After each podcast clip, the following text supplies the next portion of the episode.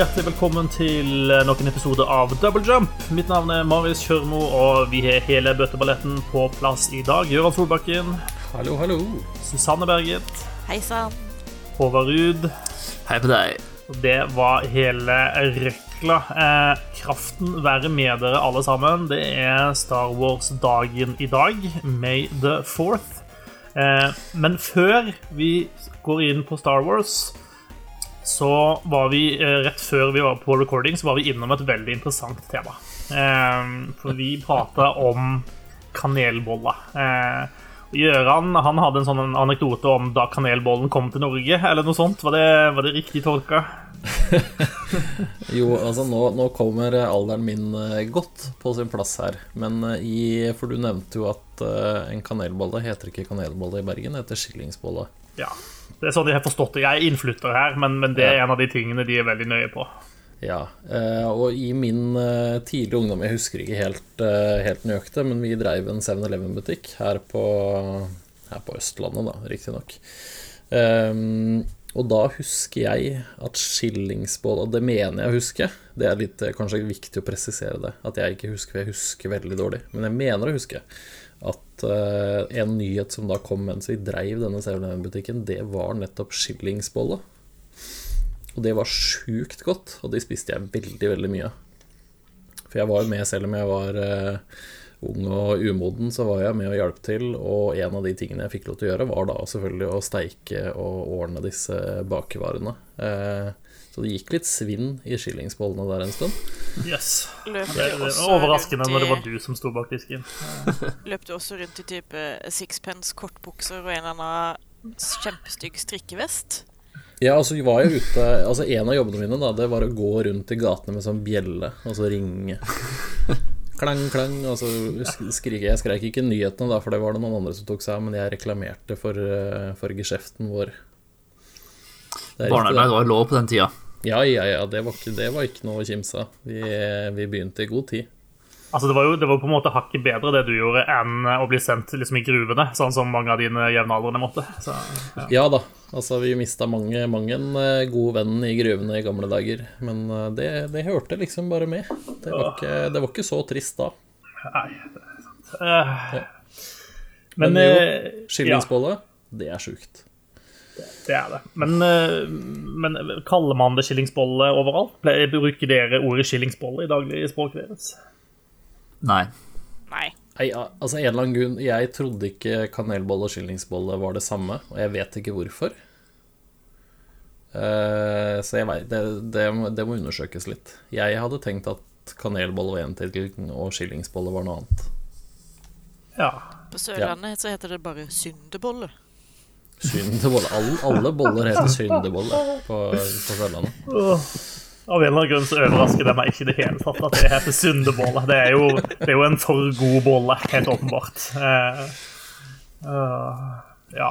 Og kanel er jo djevelens krydder. Det er jo noe alle vet. Der jeg kommer fra, eller i hvert fall i, i husholdningen jeg vokste opp i, eh, så kalte vi det av en eller annen grunn kanel i svingene. Det var det vi kalte det. Det kommer jeg til å kalle det fra dags dato. Det Ja. kjenner jeg med en gang. Ja. Jeg føler Det høres ut veldig ut som en sånn sørlandsgreie. Hvorfor hadde ikke kanel vært uh, djevelens krydder? Kanel i svingene. Jeg, jeg kom- kommer jo ifra eh, det de sjøl liker å titulere som Sørlandsbyen på Vestlandet. Eh, Egersund, eh, som liksom ligger midt imellom. Eh, ja. Ja. Så vi, vi ligger på Vestlandet, men vi har alle, alle de gode tingene med bibelbeltet med oss. eh, For å si sånn. Ja. Og føler jeg litt med deg, faktisk. Ja. Det, det, det er en grunn til at jeg flytta til Bergen. Eh, men Wikipedia, den norske Wikipedia-artikkelen om skillingsbolle eh, den kan i hvert fall bekrefte at skillingsbollen først ble brakt til Norge via Bergen. Eh, og at du. fortsatt er tradisjon i Bergen. Og det tror jeg Ja, ja, men- altså, Den kom helt sikkert ved om det er hanseatene eller om det var noen hollendere her som, som starta med den type ting. Vet du hva annet som også kom til Norge først gjennom Bergen? Nå tror jeg, det du skal, si- jeg, jeg, jeg tror jeg vet hva du skal si, og jeg tror at man har bevist at det er feil. Nei, Men go ahead. Øh, ja, jeg leste et eller annet en eller annen, for ikke så veldig lenge siden om at man mente at uh, svartedauden ikke kom uh, til Bjørgvin likevel, men at den egentlig kom, kom inn til Norge et helt annen vei. Men eh, ja. At det er bergensk propaganda, det er jeg helt sikker på. Det, du skal ikke se bort ifra at det var noen på Universitetet i Bergen som hadde kommet frem til den konklusjonen. Det, det kan godt, eh, det kan godt være. Eh, Wikipedia er for øvrig en referanse til en eh, nettsak eh, på, som ABC Nyheter har lagt eh, om historien om skillingsbollen. Eh, så for eh, further, further reading, eh, gå til ABC Nyheter og søk på skillingsbolle. Apparently. Davy Vatne kom vel til Norge via Bergen? Er ikke han født i Amerika? Det, jo, jeg tror du er inne på noe her. Uh, uvisst hva som var hans point of entry. det vet jeg ikke. Men uh, uh, fortsatt en, en kraft på Twitter. Og med det så bringer jeg temaet tilbake til May the Fourth og kraftens dag, tenker jeg vi sier.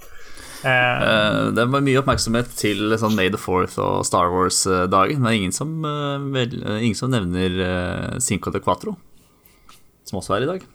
Nei. burde vi nevne det? Ja, det syns jeg er på sin plass. Kan, ja, kan du ikke legge ut litt om hvorfor vi burde nevne Cinco de Quatro? Eh, ja, det er en veldig snever referanse fra Arrested Development. Um, og stammer fra Lucille Bluth, som er eh, ja, Hun er vel ikke mildt rasistisk. Hun er vel uh, godt uh, Har vel begge beina planta innenfor uh, den beskrivelsen. Um, hun så seg lei på at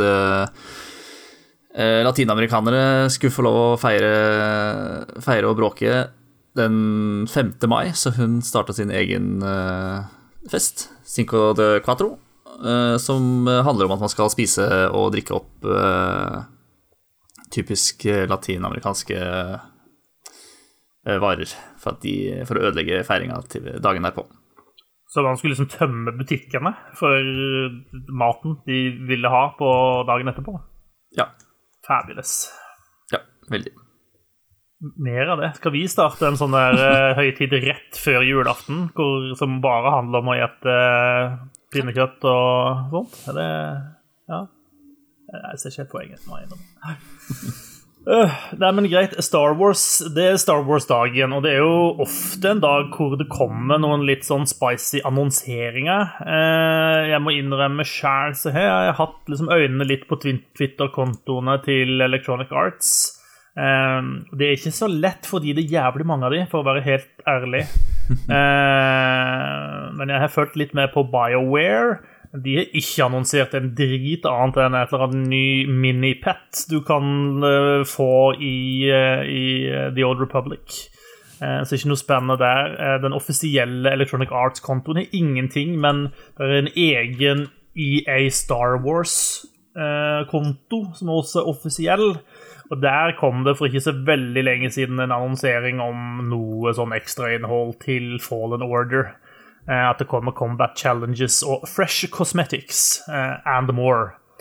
Eh, som vel heller ikke var det mest spicy eh, jeg kunne tenke meg eh, av eh, annonseringa på Star Wars i dataspill. Eh, kategorien, vel å merke. Så jeg kjenner jeg er litt skuffa. Eh, men det ble vel annonsert en film, gjorde ikke det? Ble det ikke annonsert filmer? Jo, jeg tror Det ble i hvert fall annonsert en film som Taika Waititi skal være med og regissere. Ja, den har jeg sett. Eh, Har du sett noe mer, Gøran? Eh, Nei, jeg tror jeg, da jeg, Det er jo sånn er det med Twitter. Jeg så en, et eller annet, og så antok jeg bare at det var flere. Jeg leste det som flere filmer med han. Men da var det sikkert bare én. Så ja. Jeg Altså- så også det, at det var han Taiki, Taik, Taika Waiti- Waititi. det var Snakk om å drepe navnet hans. gode forsøk, alle sammen. eh. Ja.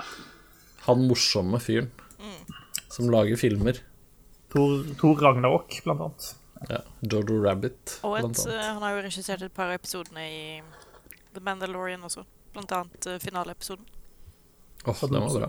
som fortsatt ikke er tilgjengelig i Norge. Derfor har jeg ikke sett den. Eh, har jeg, eh, jeg, har jeg hørt. Jeg har lest på IMDb at uh, han har vært med å regissere noe der. Jeg har ikke sett det selv, så klart. Selvsagt. Øh, den greia der, altså. Ja. Nei, men uh, litt uh, jeg Kult med mer Star Wars-film, for all del, men jeg hadde håpet på noe mer spicy spillnyheter i dag. Men det må vi se, se lenger etter, tydeligvis. Så jeg lurer på om det var et eller annet Battlefront-greie jeg så også, men jeg det er heller ikke helt det jeg er ute etter. Så, ja. Det er ingen som er ute etter det lenger. Jeg tror det er noen, ass. Jeg tror det fins folk som er thirsty eh, etter mer Battlefront-ting. Men uh, that's not me. Vi har spilt litt ting denne uka, eh, fordi det er kommet litt nye ting eh, som vi endelig har fått eh, satt tennene våre i. Det er ikke Star Wars-ting, men det er ikke nødvendigvis dårlige ting av den grunn. Jeg vet ikke, Hvor skal vi starte hen i dag, folkens? Starte- Final Fantasy, kanskje, siden det kom først. Det kan vi gjøre. Final Fantasy 7 Hva, hva er den offisielle tittelen på denne utgivelsen, Gøran? Er du Er det ikke Final Fantasy 7 remake? da? Den heter Remake. Ja. Jeg tror det. Yep. Ja, jeg mener det var det. Jo, jeg har øh, greid å klemme inn en eh, Jeg tipper det er en seks, sju, åtte timer eller noe sånt med Final Fantasy 7 nå. Jeg spilte jo demoen og ga noen inntrykk av det for eh, en liten stund siden, og så har jeg venta og venta, eh, og så greide jeg ikke å vente mer, så nå, nå røyker jeg på Final Fantasy 7. Og det er eh, Det er ganske bra, altså. Det jeg har spilt så langt. Nå har ikke jeg noe forhold til originalspillet, altså Final Fantasy 7, for det av en eller annen så har ikke jeg spilt det. Jeg hoppa på Final Fantasy først nummer åtte. Så eh, jeg er liksom ikke av de som kan si om dette funker sammenlignet med originalen eller ikke. Men jeg syns det er ganske bra det jeg har spilt i nå, i hvert fall. Altså, det er eh, det jeg har spilt av Final Fantasy 7, så er det liksom Du begynner på nøyaktig samme måten. Du hopper av toget, og du sprenger denne reaktoren, og det er de samme bossfighten, og, og, og så fortsetter det derfra. Um, men det er det er liksom et Altså, det er et Final Fantasy-spill. Det er eh, mange cutscenes, det er mye dialog, og det er litt sånn halvteit og litt halv sånn cheesy innimellom. Eh, I går seinest så tok jeg en sånn superteit eh, bossfight-ting som eh, kunne ha vært henta rett ut av Metal Gear, nesten. Var så, han var så sær og rar, den fyren, at han kunne man bare putta rett inn i et spill fra Kojima. Så hadde det passa. Det hadde ikke tenkt noen ting over det. Men jeg liker jo også det. Så det Nei, det er, det er rart, og det er mye, og det er eh, veldig mye sånn eh, undertoner av 'hei, skal du bli med hjem og ligge med meg'-type eh, kommentarer. Det, det, det har jeg blitt litt satt ut av flere ganger, faktisk. Jeg trodde ikke det skulle være Men det kan hende det er meg. Det veit jeg ikke. Det kan hende det er meg. Men eh, det var litt sånn 'hei, kan ikke du bare gå inn og fikse den eh, den rens, vannrenseren din, og så kan du komme inn og hjelpe meg etterpå. Wink, wink. Det er litt sånn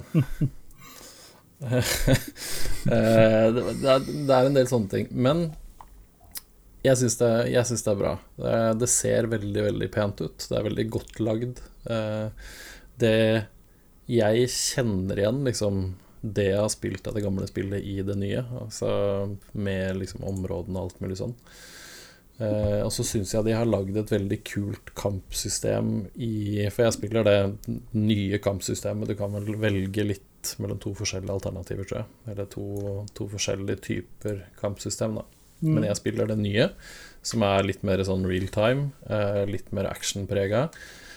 Og det kjennes ut som en, bare en en bedre versjon av det de lagde i Final Fantasy 15, egentlig. Med at du har Altså, du har Ja, du har jo våpenet ditt, da, selvfølgelig. Eh, og så kan du trykke eller holde på firkant for å kjøre vanlig angrep. Eh, med cloud, da, vel å merke. Um, hvis du trykker på Og så bygger du opp den der ATB-gougen. Sånn der, eh, du har to sånne tics som du kan bruke på spells eller evner eller sånne ting. Trykker du på, på krysset, så pause spillet så å si. Altså det, er, det flyter bitte litt, det går veldig sakte, men da kommer du inn i liksom kampmenyen. Så kan du velge hvilket spill du kan ta, eller hvilket angrep du skal ta på hvilken fiende og sånne ting. Og så aktiverer du det, og så er du tilbake i real time og fortsetter å slå og denge. Eh, når du har flere i, i partyet ditt, som du får ganske fort, så kan du også hoppe fritt mellom hvem du styrer av de forskjellige. Du kan også gi kommandoer direkte om at den skal heale deg, f.eks., eller den skal bruke et, et eller annet magiangrep, f.eks. Um, og det er ganske mange forskjellige sånne elementer som er i spill, men det er ganske, de er lagt opp veldig smart. Det er veldig, det er veldig bra lagd, og det er veldig lett å lære seg. Og du har veldig god kontroll i kampene, så det, det koser jeg meg veldig med å liksom finne ut av kombinasjoner av magi og, og, hva som funker på hvilke fiender og sånne ting. Så det, det syns jeg er skikkelig bra, faktisk. Overraskende bra. Um, og så er det, det, er masse, det er masse gode figurer. Jeg syns det er masse morsomme figurer der som du møter. Altså Det er jo Cloud, og det er hun Tifa, og Barrett er liksom der, og det er eh, Men ja, de, jeg syns de er morsomme og bra på alle sine måter. Altså Nå har ikke jeg blitt sånn superkjent med alle sammen ennå, men de har liksom litt dybde, og det er, det er ting i bakgrunnen dem som liksom virker som det kommer opp litt. og ja, nei, jeg koser meg. Jeg syns det Sånn totalt sett så har jeg veldig lite å utsette på det enn så lenge. Det er, det er bra, og det er et Final Fantasy-spill, og det Jeg kjenner at det var det Jeg trengte et sånn type spill nå, så det, det, det jeg, jeg, koser meg. Ja, så bra. Det, mm. jeg, har jo gode minner fra Final Fantasy 7, eh, som jeg spilte på PC, av alle ting, når, når det kom ut eh, der for 100 år siden. Um, men jeg har også følt at jeg er veldig ferdig med det spillet. da. Eh, så det er litt sånn eh, hva, hva, hva, er på en måte argumentet for meg å gå inn igjen her? Er det at det, det er et nytt og fresht kampsystem, eller? Nei, altså jeg, jeg, jeg, er litt redd for å ødelegge barndomsminnene mine, egentlig, da. Nei, altså jeg tror, jeg tror de har gjort, altså, gjort tingene større. Altså det er mer dialog, og det er mer Jeg tror det er mer å gjøre og sånne ting. Men som sagt, jeg har spilt veldig lite av Final Fantasy 7. Så det er litt sånn Det er vanskelig for meg å si forskjellene. Men jeg tror det bare er større og mer av alt i remaken. Selv om det holder seg tro til historien, så tror jeg du får mye mer rundt, da. Mm. Eh, uten at det kanskje er så mye fluff. Jeg syns i hvert fall ikke det har vært noe sånn unødvendige greier enda. Eh, så ja, ellers er det bare muligheten til å oppleve den verdenen og de figurene og sånn på nytt med ny grafikk og litt sånn Det var sånn vi så for at, det skulle være, typ. Som de så fint har sagt. Så Men jeg veit ikke. Det, jeg er en, en, dårlig kilde akkurat der, i og med at jeg ikke kjenner det til det forrige spillet. Mm. Så dette, Men, bør dette være min inngang til Final Fantasy-universet. Jeg som uh, knapt har spilt et minutt Final Fantasy så langt i mitt liv. Ja, samme her. Er, det, er, det, noe for noobs? Ja, det tror jeg absolutt. Eh, men det, altså, Final Fantasy er litt sånn rart, for det er litt sånn Det er veldig sånn Åssen skal jeg beskrive det? Det balanserer mellom seriøst og teit veldig sånn det, det, flyter litt sånn imellom der. Det ligger sånn i grenseland hele tiden, fordi det er litt sånn man kan ha en veldig sånn alvorlig samtale om alvorlige temaer, og alt mulig sånn, og så kommer det en sånn flåsete sånn derre JRPG-kommentar fra en eller annen figur som bare er sånn OK, vi er, vi er der enda, virker det som. Men mye, mye anime tror, som er på samme nivå der, da. Ja, det er, altså, det er en del av det, og det må man liksom bare ta. Det er en del av pakka. Det er liksom en av de lagmedlemmene dine, han er en litt mer, litt mer robust fyr. Og han er selvfølgelig sulten hele tiden og må alltid kommentere at 'å, shit, nå er jeg så sulten'. Og det er litt sånn Ja da, han har, litt, han har en litt annen kroppsbygning enn andre, men de trenger liksom ikke å, å dunke det inn at han er tjukken i gruppa. Men sånn er det bare, liksom. Eh, Så man må ta alle de tingene med det andre. Men jeg tror kanskje det her kan være en god vei inn. Og så vet jeg ikke om det kanskje er sånn Å, shit, nå må jeg spille alle andre Fan Fantasy-spill som noen gang har kommet. Uh, De har jo strengt talt ingenting med hverandre å gjøre, så nei. Men du får en god fil på liksom, universet og stilen og sånne ting. Og så er det Ja, jeg syns kampsystemet er kult nok alene til at det liksom kanskje er verdt å sjekke ut. Eh, Det er bra bossfights og en hel haug med sånne systemer under som et sånt type spill skal ha. Med at du går opp i levels, og våpenet ditt går opp i levels, og du har eh, ting du skal slotte inn i våpenet som Ja, gir deg tilgang til magi. Ikke sant? det er noen eh, slitsomme greier. Det der med slåtte tingene i våpenet som du skal drive og levele opp sånt. Det, det har jeg noen vage minner om at det var ganske slitsomt i lengden. Uh, Ja. Men sånn er det her òg. mm. Ja. Jeg Du får du, jeg husker fra, fra når jeg spilte FF7, så var jeg, så, det var, jeg ble så imponert over sånn, de grafiske bitene av en del av de sånn, spesielt de sånn superangrepene du kunne få deg, eh, som bare så helt sykt ville ut eh, rent grafisk sånn i gamle dager. Eh, Ja. noe som var sånn Shiva-angrep og noen sånne ting som bare tok helt av. Eh, og det som du satt bare og måpte når du endelig kunne liksom gjøre disse helt vanvittige skadeangrepene. Uh, ja, jeg husker det. Jeg husker også det fra Final Fantasy 8, selvfølgelig, da, men ikke 7. Men mm. jo da, det er jo Det er jo summons her også. Uh, men det som, det som var litt kult, da første liksom, gangen du fikk summons, så var det, det var i fritt. Og den, da kom jo denne Jeg vet ikke hva det er for noe, dette vesenet ned, og så slåss du sammen med det. Det er liksom ikke ett angrep pang. Det Nå er er det der, nå er det der, og så er det aktivt, og så kan du også styre Ikke gi kommandoer, men du kan også liksom styre hvilket angrep det skal bruke, og da bruker da din sånn ATB gouge, eller hva, de, hva de kaller det, da. Så du bruker liksom dine kampevner til at den skal gjøre et større angrep. Så det blei en veldig sånn kul aktiv greie med den I hvert fall den ene søvnen som jeg har hatt i nå, da. Ja, riktig. Eh, Så nei, jeg syns det, det, det virker veldig, veldig lovende, veldig bra. Og så er det, det er selvfølgelig, som i alle andre Final Fantasy-spill, så er det kjempe, kjempebra musikk, liksom. Altså, det Det kan de. Så ja, jeg ville sagt eh, ja, go for it. Prøv å se om det er noe, liksom. Men jeg har ikke spilt det ferdig, så disclaimer der. Eh, Kan være det bare Det liksom kollapser fullstendig på slutten og blir totalt søppel. Det, det kan hende. Eh, jeg tror ikke det, ut fra hva jeg har lest, men uh, shit's happened before, så du veit aldri. Spent på Jeg kjenner jeg, jeg, jeg, jeg er jo litt, litt uh, metanerd, men jeg er jo litt spent på salgstallene og sånt, og økonomien i, i dette remake-prosjektet her. Uh, det er jo solgt ganske bra, men, men likevel, jeg vil jo tro at det er nødt til å selge ganske mye for å tjene inn pengene de har brukt på det. Eh, det har vært en ganske Ja. dyr affære, har jeg inntrykk av. Men så er det, det er en ganske innbringende affære å dele det opp i flere spill. Da, altså ta 650 kroner per episode. Det, Nei, så, da, det- da raker du inn litt penger, da.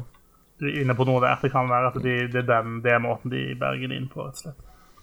Så, men kjære venner, jeg har spilt ja, Si jeg har spilt seks-sju timer, da, og jeg er på kapittel to av et eller annet. Så det er jo, det er jo masse, masse spill her. Så det er ikke noe Det er ikke det at det er liksom tre timer, og så er du ferdig.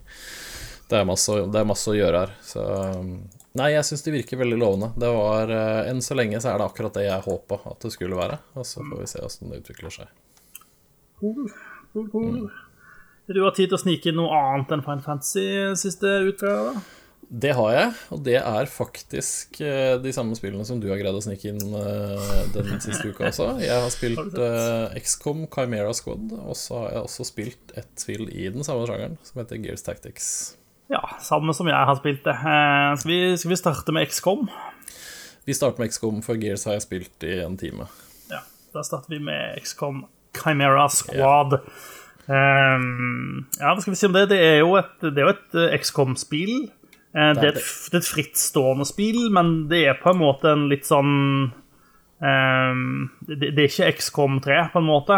Det er en sånn en Nei, er egen, sånn- mer konsentrert, litt mer historiefokusert slice Litt sånn, of XCOM. si ja, litt sånn på siden-spill, egentlig. Ja. Uh, det er det. Uh, det er, min, det er mindre og mer konsentrert og mer sånn Ja, det er som du sa, mer historiefokus enn hovedserien har vært noen gang. Ja, altså ho Hovedserien er jo liksom stort sett eh, Redd verden, eller planeten, Ja. eller noe sånt noe. Eh, dette er jo da satt på en måte etter at de tingene på en måte har man kontroll på, eh, og det er satt til en by eh, på planeten, og man skal på en måte få kontroll på den. Og istedenfor å være på en måte sånne hissige XCOM Marines, eller hva de nå er for noe, de XCOM-soldatene, så er man mer altså man er mer litt sånn eh, ikke, counter-terrorist police, eller noe sånn i den duren der. Ja, du er vel inne og hjelper politiet. Du er en litt sånn spesialgruppe som Ja. bidrar. Ja. Mm.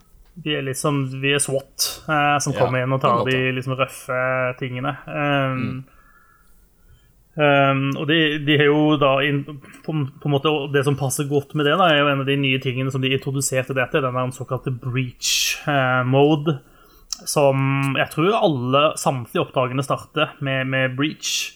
Eh, ja, og du gjør det gjerne flere ganger i løpet av et oppdrag også. ja.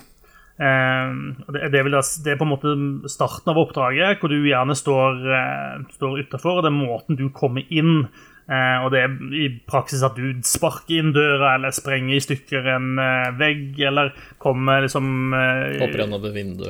ja, eh, fire deg ned en bygning og sparke inn vinduer i bra actionfilmstil. Liksom. Eh, og så har man da på en måte det man i, i eh, rollespillverden gjerne kaller en surprise round, mer eller mindre. Hvor liksom alle folkene dine får lov til å fyre av eh, et angrep. Eh, før de på en måte finner plassene sine på det taktiske kartet. da. Ja. Og Noen av fiendene som på en måte er årvåkne, de skyter også tilbake da, i den runden. skal sies. ja, du får jo også god info. Du setter Altså, du har x antall sånne ruter da, der du kan eh, assigne til en figur. Eh, så du kan ha liksom én som går inn vinduet, og så kan du ha tre som går inn hoveddøra, og så kan du ha to som går inn sidedøra. Eh, Og så er det rekkefølge. Så hvis du, den du setter på førsteplassen, er den første som løper inn døra. Um, og den første som også får muligheten til å skyte. Og, Og og, så og, får du også Og ja, dette er viktig også for en av de andre nye tingene de har introdusert, er jo nettopp dette at det er en slags initiativliste eh, på hvem som får bevege seg når. Eh, hvor i de gamle, de gamle nye eh, XCOM-spillene eh, så har det vært sånn at hele laget ditt eh, på en måte beveger seg samtidig eller på samme turen. Eh, mens her vil på en måte dine soldater og fiendene være liksom sånn Nå er det den personen sin tur, og så er det den personen sin tur. Eh, og da, Det blir Ja, altså- et, et annet taktisk spill av det. da, Og det, det avgjør du en del med hvilken soldat er det du sender inn først i, i den breach-moden. Ja. Og så er det også eh, Du får også opp sånn info om at eh, den siste personen som går inn her, får ikke skyte våpenet sitt, eller den første som går inn her, får bonus på defense. Altså det er en del sånne ting også som kommer etter hvert på den breachen. Så det er, ganske, det er ganske mye nytt som bare kastes rett i fanget ditt med en gang du begynner der. Ja, det, Men, Hva jeg syns du om det? Liker du, liker du hele den nye greia? Ja, det gjør jeg. Jeg syns den Bleach Mode synes jeg er artig. Den, den, de har fått til den visuelle stilen på det godt, syns jeg. Eh, det er på en måte sånn Du får et lite sånn actionklipp helt i starten, hvor de liksom sparker inn døra, kaster seg inn, og så går liksom spillet over i eh, Egentlig i pause, da, mens du gjør det, men liksom mens kameraet beveger seg litt sånn sakte, så du får følelsen av at det egentlig er alt det som nå skjer, foregår i slow motion. Eh, selv om det er på pause. Eh, og du får liksom skutt de skuddene, og du ser fiendene kaste seg ned og dør, og det liksom er litt sånn slow motion, litt sånn John Woo-stil på det. Det, det, det, det er kult, syns jeg. Det er bra med litt sånn spice til en eh, strengt tatt en, en tur, et turbasert uh, strategispill, sånn som det. Absolutt. Jeg syns det, det der er en god, en god ny ting som de, som de godt kan ta med seg videre i, i andre spill også. Jeg er enig, de- men det, passer, men det passer nok spesielt godt også til, til måte den settingen de har valgt seg her. da. Eh, Ja jeg vil tenke at i et, i et, et, et, kanskje potensielt XCOM3 så vil det være en modus de kan bruke kanskje på noen oppdrag, men ikke nødvendigvis på alle. Nei, absolutt ikke. Det, er jo, det krever at man liksom skal infiltrere en eller annen bygning, eller bleache et eller annet sånt. Men uh, jeg syns det, det krydrer liksom spillet litt, det der. Og så syns jeg Jeg syns det er gøy at du har den initiative-orderen, og ikke nødvendigvis at det er Nå er det vår tur, og så er det deres tur, og så er det vår tur. Nå kan du liksom Du har litt, litt mer kontroll på å styre fiendene litt, fordi du ser Altså Du ser også hvilken Og så ser selvfølgelig hvem av dine som har hvilken tur, og så ser du også hvem av fiendene som har neste turen, så du kan liksom Du kan ta ut han som er etter deg, da, sånn at han ikke får tatt turen sin, og i håp om at du kanskje også greier å rydde flere av de andre fiendene unna, sånn at du liksom kan minimere skadene dine litt ved å være litt smart i valget av hvem du prøver å ta ut og ikke. Ja, det, det, blir, det, handler rett og slett mye mer om å på en måte kontrollere slagmarken, egentlig, eh, mm. enn en bare å ta ut fiendene dine. Og det blir et sånn taktisk spill hele tiden. For det er sånn, ja, OK, det vil være enkelt for meg å ta ut den. Jeg har 98% på å treffe han, og da kommer jeg til å ta han ut. Men hvis han andre fienden der, hvis jeg ikke tør å ta han, så vil han få gjort sin tur, og da kan han potensielt skade healeren min, f.eks. Mm. Uh, så, så, det blir et uh, nytt taktisk element uh, inni der, det, og, det, og, det, er ganske morsomt. Jeg syns det fungerer veldig godt, akkurat den biten der. Absolutt. Nytt for dette spillet også er jo at man ikke har på en måte egengenererte karakterer. Det er satte karakterer med en satt personlighet og bakgrunn og egenskaper som man spiller. Eh, så istedenfor å, å, å kunne plukke rekrutter fritt og gi dem en, eh, en klasse eh, og, og, sånne ting, så, så, er det på en måte låst. Og du får ja. heller ikke Du får ikke rekruttert alle, tror jeg, i løpet av en kampanje. Jeg har ikke fullført min kampanje ennå, men jeg er såpass langt inn at jeg tror jeg tør påstå at du ikke kan rekruttere alle på én playthrough. Nei. Um, og det, det, gjør jo på en måte at ting blir litt annerledes. sant? Altså den, eh, den, positive tingen med det er at du kan eh, De som har lagd spillet, kan på en måte legge mer inn i hver karakter. sant? De kan gi karakterene litt personlighet. Eh, der, er mye, der er lagt inn en god del sånn banter mellom karakterene når du er i basen din osv. Det syns jeg er artig og fungerer bra. Men du, du, risikerer at du kanskje føler litt mer at uh, du ikke spiller Du får ikke den samme tilknytningen kanskje til karakterene, fordi at du, du har på en måte ikke sjøl forma de på noe vis. da. Eh, selv om du får noen ganske få eh, valg eh, når du leveler de opp, da. Eh, ja, ja. Mm. Det, er mer, det er et mer fokusert spill der altså du, du, har færre valg og færre veier å gå med alt i Camera Squad sammenligna med et, ja, det samme med den forrige XCOM, da, for å bare ta det. Mm. Så er det, det, er mye mer fokusert og mye mer en, Ikke en, nødvendigvis én vei, men én og en halv, kanskje. Ja. Og så er det vel også sånn at du kan ikke la karakterene dine dø her. Nei, det kan du ikke. Eh, så du får ikke den dynamikken heller, med at å, en av de beste karakterene mine som jeg har brukt liksom halve spillet på å liksom levele opp, den strøyk med fordi at oppdraget gikk drit. Eh, du får ikke den eh, mekanikken. For hvis en av karakterene dine faktisk dør, så er det liksom game over, og da må du gjøre oppdraget på nytt. eller ja, spiller du på den, den hardeste modusen, så er vel faktisk spillet over, eh, strengt talt. Jeg tror det er greia med Nå har ikke jeg testa den Ironman-greia, men jeg tror det er liksom greia, da. Hvis en dør, så er det sånn Sorry, Mac, du feila, nå må du begynne på nytt. Ja. Samtidig så er spillet så dette spillet er på mange måter litt mer tilgivende. Um, mange av oppdragene er også delt inn i to eller tre faser istedenfor én. Uh, og Der er det også lagt inn et system sånn at uh, dersom en av karakterene dine går ned uh, og ikke kan være med til neste fase, så kan du sende inn en robot isteden, som på en måte tar plassen dens. Mm. Så på den måten så er dette et, det er et spill som er snillere mot deg som spiller, vil jeg, vil jeg hevde. da.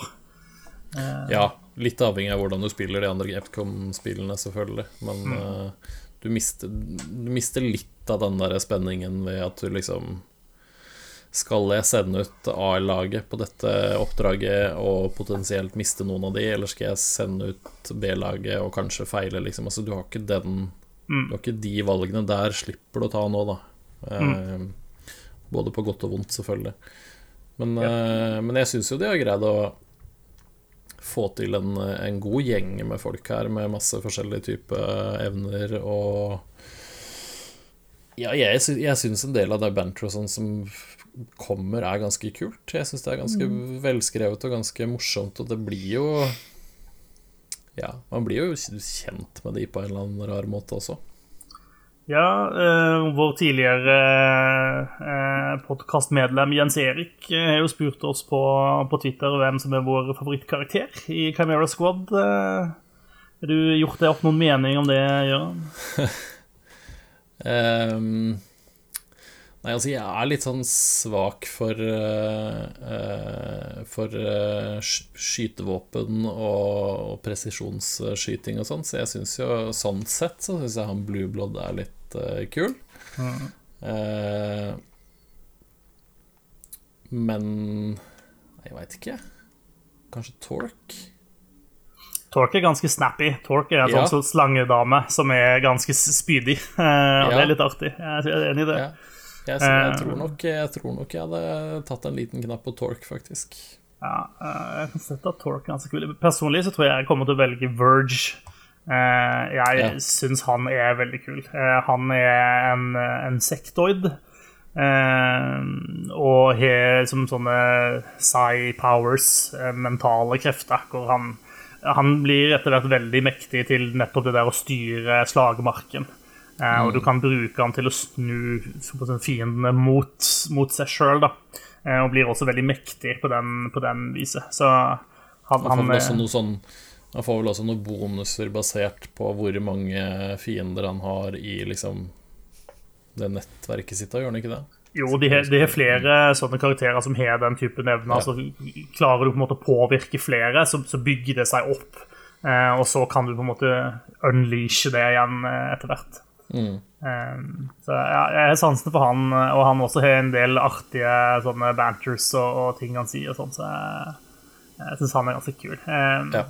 en en av de tingene som, eh, som jeg også på en måte setter pris på med, med Chimera Squad, det er jo at eh, altså Det handler jo i veldig stor grad om liksom diversity. da. Det er jo det på en måte spillet handler om. De, de, de smører kanskje til og med litt hardt på på akkurat den biten. Eh, fordi hele laget du styrer, er jo eh, oppretta av folk med veldig ulik bakgrunn. Og her er det jo folk som er Noen er romvesen, og noen er sånn half-breeds, og noen var eh, halvveis hjernevaska av Advent og sånn.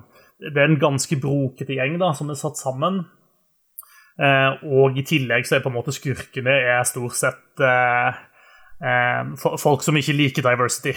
Eh, for, for å si det sånn. Ja, Eh, det er uten at jeg skal spoile for mye av historien, så Nei. er Stort sett det det handler om. De liker ikke denne, denne byen som eh, skal være et sånn slags sånn beacon av liksom samarbeid og vi, vi kan komme sammen og bli, være venner nå som krigen er over, på en måte. Eh, eh, og du må liksom være med å forsvare den litt sånn eh, eh, Ja, den litt sånn tu- tynne, tynne freden som, som eksisterer da, mellom alle de ulike fraksjonene. Um, og så har de et system som er litt lignende det som var i, i XCOM, med at du har en sånn overordna uh, en ticker som på en måte tikker mot deg, og du må få kontroll i dette spillet. Så er det uh, ulike områder Altså det er den byen da, som er delt inn i ulike områder. Uh, og du må liksom passe på at ikke det blir for mye kaos i ett område, for da vil det bryte ut anarki, og idet byen får for mye anarki, så er det game over. Så du er liksom hele tiden nødt til å eh, bruke ressurser på å holde den eh, balansen i sjakk, da. Eh, det, det er for så vidt en mekanikk som jeg syns bare fungerer helt OK. Eh, jeg syns ikke den er veldig gøy, sånn som den er lagt opp. Um, og jeg syns egentlig også du har egentlig litt for få muligheter, i hvert fall innledningsvis, til å påvirke den i særlig grad.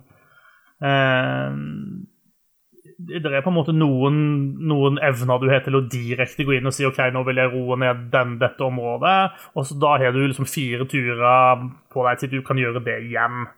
Um, og det var ikke det nødvendigvis at det var for vanskelig. Jeg opplevde liksom at du når Egentlig litt tidlig i spillet så når du et sånn kritisk eh, område hvor nå, nå må jeg enten få, få kontroll, eller så kommer dette til å gå drit. Eh, og etter du på en måte har fått kontroll, så klarer du ganske uproblematisk å holde dette i sjakk. Eh, så, min opplevelse var at akkurat den mekanikken ikke var superbra. Eh, men, men, den er mm. heller ikke så avgjørende for om jeg syns spillet er gøy eller ikke. Nei. Nei, jeg kan være enig med det der at den er ikke uh, Ja, nei, det funker ikke optimalt. Det gjør ikke det, den delen av det. Mm. Ellers er det, det, er et bra spill. Uh, ja, det er nok noe kortere, har jeg inntrykk av, enn en, liksom et XCOM 2 var. Men det selges jo også til en, en hyggeligere pris. I tillegg så var det vel på, til salg eh, idet det kom ut. Eh, så jeg tror på en måte de har lagt opp til at prisen på spillet skal være rundt 200 kroner, men de solgte det for en hundrelapp fram til, eh, til helga som var, i hvert fall. Ja. Nei, jeg syns det er Jeg koser meg, jeg. Jeg syns det er bra, bra taktisk eh, Taktisk action, sånn som, eh, sånn som disse folkene her kan så godt. Og så syns jeg det er gjort gode gode endringer og sånt til at det kan kjennes litt fresht ut. At det ikke bare er liksom Å, dette er et nytt XCOM bare med litt, litt annet. Her har de faktisk snudd litt opp på ting, og jeg syns det funker. Altså Etter å ha spilt liksom flere det har, det har, jo vært flere andre spill i samme sjangeren som har kommet, og så har vi sittet og målt opp mot XCOM, og så har vi tenkt at det her er jo ikke Det er ikke helt der. Så merker man jo nå at uh, man merker jo nå hvorfor målestokken er XCOM-spillene. Mm. Og det kjenner man jo også når man spiller det spillet her, at det, er liksom, det funker bare. Altså systemene og sånn, det funker liksom sammen, og det Ja. Nei, jeg, jeg, nei, jeg har kost meg med det. Jeg syns det er uh, morsomt. Ikke fullt så stort og Stort og massivt som kanskje de vanlige spillene er, men det gjør heller ingenting. Nei, det er nettopp det. det altså du kan ha gode spill som ikke Altså, the stakes må ikke være that high. Det må ikke være verdensskjebne som liksom er on the line hver eneste gang. Du kan Nei. lage et spill med et mye mindre scope og fortsatt ta en interessant historie, en god opplevelse. Eh, det, det, det syns jeg Camera Squad viser at de, de får til også i, i XCOM-universet.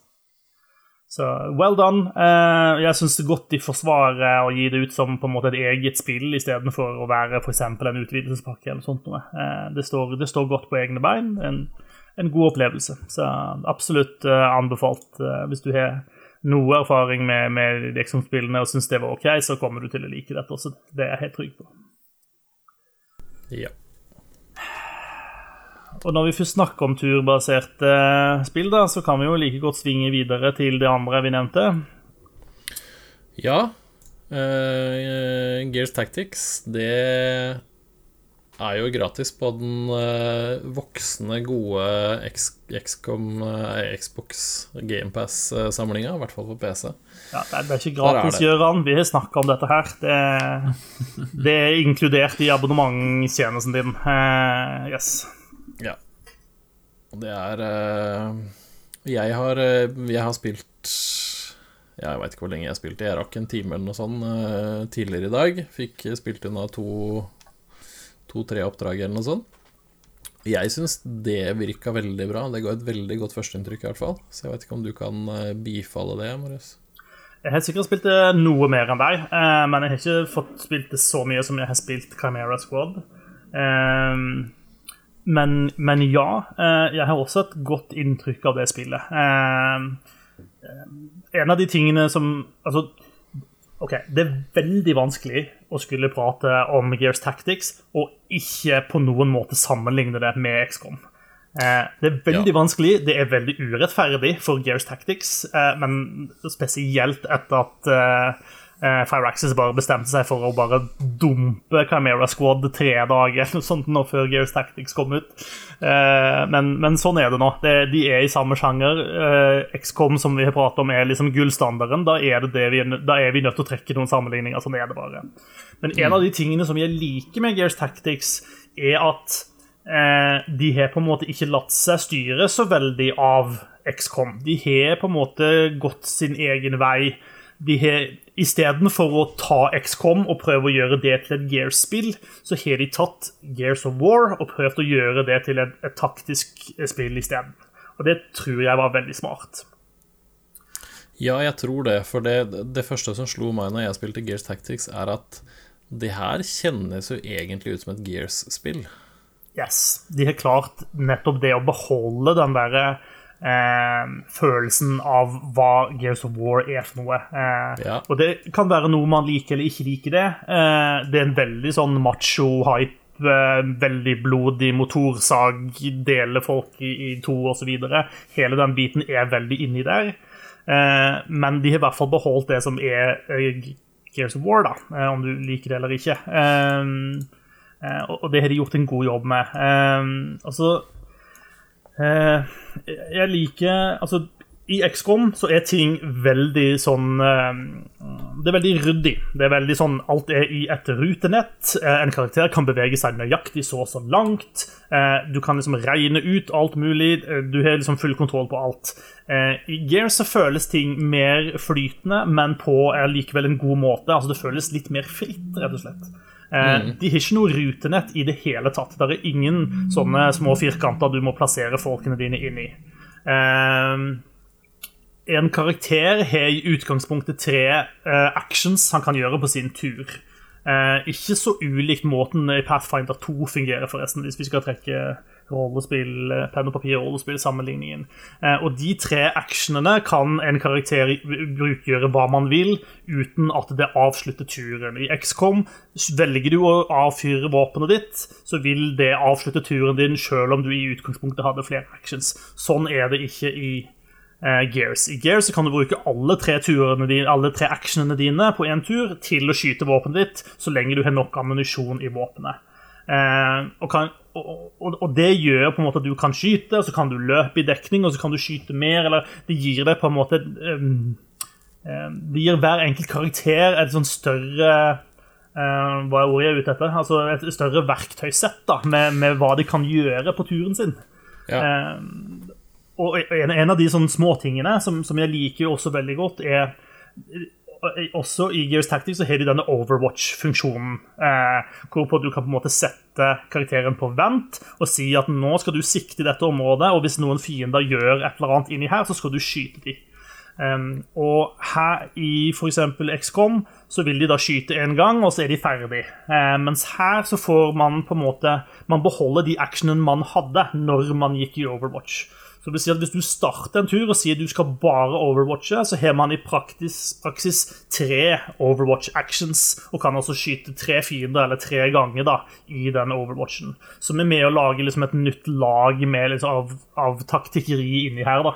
Eh, hvor forventer du at nå skal det komme en swarm av fiender mot deg? Ja, ok, Da må du kanskje ha noen som står og kan ta dette imot. Eh, og, og, da- da kan du på en måte planlegge for det.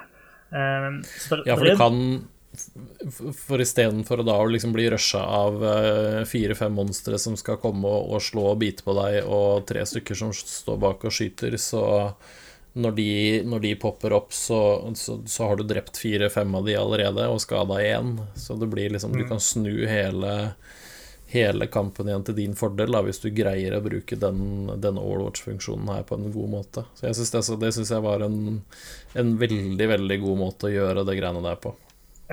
Det er helt enig. Det, det, det syns jeg fungerte kjempebra.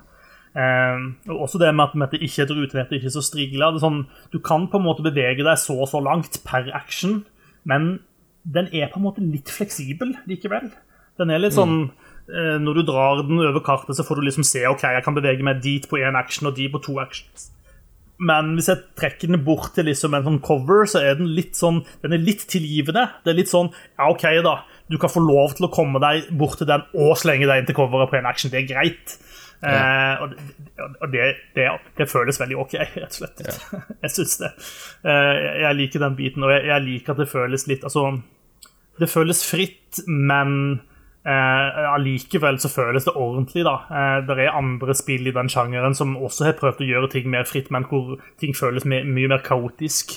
Eh, her føles det som om det er kontroll i systemet, men det bare er likevel litt friere. Ja.